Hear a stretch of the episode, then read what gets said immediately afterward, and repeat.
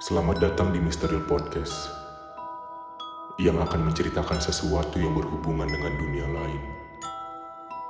Sebelum podcast ini dimulai, pastikan kalian mematikan lampu, pakai headset dan besarkan volume.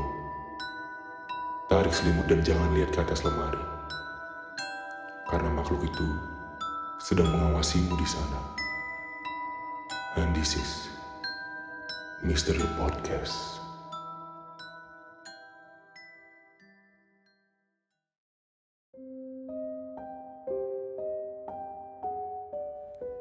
Malam, di satu rumah berbilik kayu, seorang wanita bernama Taya tersentak dari tidur lalu mengerang kesakitan. Urat-urat di wajahnya membiru menonjol keluar menegang. Napasnya tercekat, membuat suaranya berhenti di tenggorokan. Kak, kakak kenapa?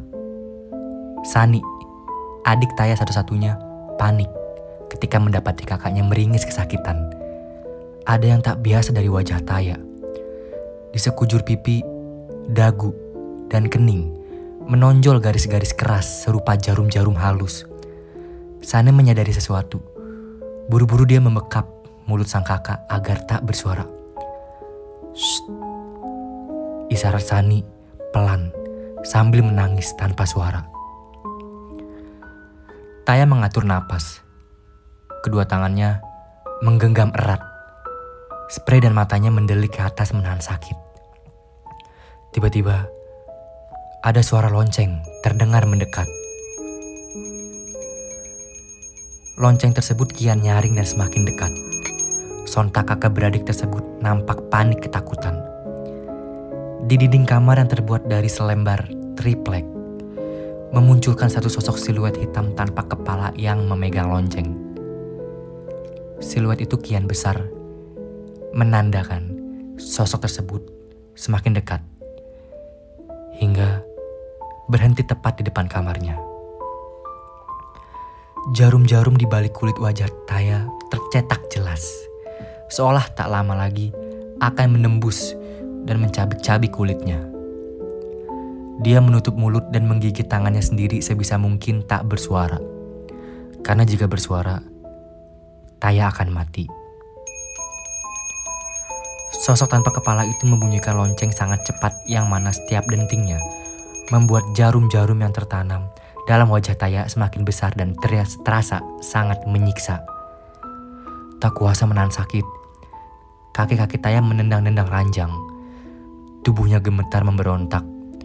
Sani memeluk erat tubuh kakaknya, seraya menahan agar hentakannya tak bersuara. Sudah enam bulan mereka hidup dikejar kematian sejak Taya memutuskan untuk mengangkat susuk yang ia telah tanam di dalam wajahnya. Namun rupanya, tindakan tersebut mengantarkan pada petaka. Dukun yang sebelumnya membantu Taya seketika meninggal tanpa sebab. Dia akan menjemputmu setiap Kliwon. Ke mana pun kamu lari, kamu akan tetap mati. Itu kalimat terakhir dari sang dukun saat Taya mengutarakan keyakinannya untuk melepas susuk. Taya dan Sani saling memeluk erat, membagi ketakutan satu sama lain. Beberapa saat, lonceng itu berhenti, dan siluet tanpa kepala itu melangkah menjauh. Malam ini mereka selamat, namun entah bagaimana Kliwon selanjutnya. Sembilan tahun lalu, Taya memutuskan untuk menanam susuk dalam dirinya. Dia melakukan ijab ritual dengan menyerahkan raganya pada iblis.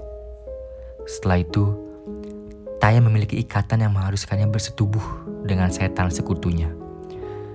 Ketika ritual bersetubuh, Taya melihat sosok tersebut serupa lelaki perkasa yang gagah mengenakan pakaian khas kerajaan Jawa kuno. Setelah bersetubuh, sosok itu lenyap dari pandangan mata menyisakan wujud siluet hitam tanpa kepala yang menenteng lonceng berjalan menjauh. Lonceng juga menjadi benda wajib yang selalu dibawa Taya ketika manggung. Dalam waktu singkat, Taya dikenal sebagai kembang tembang yang membawanya laris manis dari panggung ke panggung. Meski digelai oleh banyak pria, namun Taya tidak pernah awet dalam satu hubungan. Menurut pengakuannya, beberapa laki yang pernah dekat dengannya kerap menjauh begitu saja seusai bersenggama. Katanya, ketika mereka bersetubuh, laki-laki itu melihat wajah Taya berubah serupa nenek-nenek tua. Semua berlangsung bertahun-tahun sampai dirinya merasa lelah dan memiliki keinginan untuk menikah. Taya merasa susuknya ini telah menghalangi dia untuk mendapat jodoh. Tak hanya itu, karirnya memang melejit. Namun, masalah demi masalah tak pernah berhenti datang silih berganti. Taya kerap berseteru dengan orang-orang di sekitarnya. Sampai satu waktu, kedua orang tua Taya memutuskan untuk menjodohkannya dengan seorang ustadz dari desa seberang. Namun naas, dalam perjalanan, mobil mereka terguling ke jurang usai menghindari sosok tanpa kepala yang tiba-tiba menghadang mobil mereka. Ada yang tak biasa dari ibu Taya. Di sakaratul mautnya, dia membisikkan Taya satu nama dukun Rupanya, ibu Taya dahulu juga memasang susuk. Perjodohan ialah satu upaya untuk melawannya. Meskipun begitu, kecelakaan tersebut menewaskan kedua orang tua Taya di tempat. Kaki Sani harus diamputasi karena kejadian tersebut dan Taya selamat, meski dia sempat koma beberapa hari.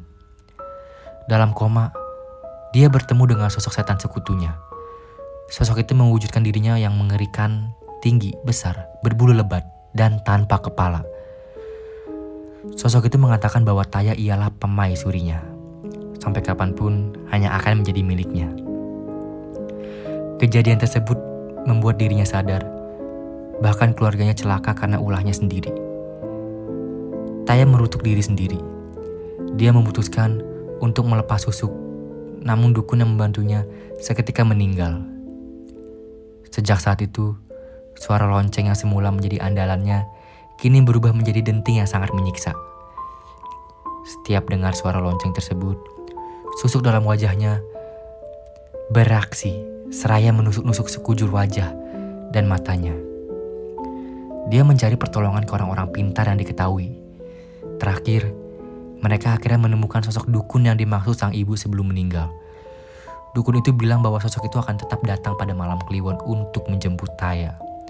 Dia mencari Taya dengan membunyikan lonceng agar Taya kesakitan dan bersuara. Yang dapat kamu lakukan saat itu hanya menghindar. Jika bertemu dengan sosoknya setiap kliwon, jangan pernah bersuara. Atau dia akan menemukan dan menjemputmu. Dukun itu meminta Taya agar segera mencari pertolongan. Karena dirinya juga tidak mampu dan sanggup membantu Taya